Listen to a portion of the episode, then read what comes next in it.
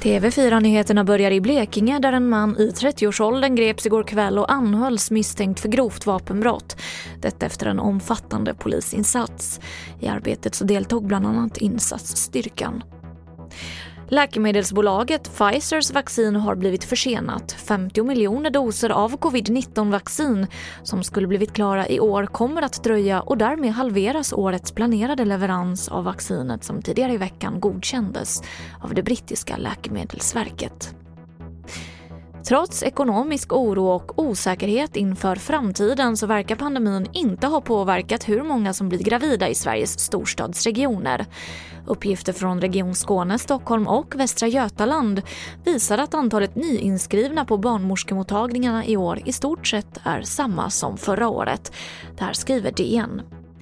Och jag avslutar med att det kommer att byggas ett monument till tidigare statsminister Olof Palmes minne i Chiles huvudstad Santiago.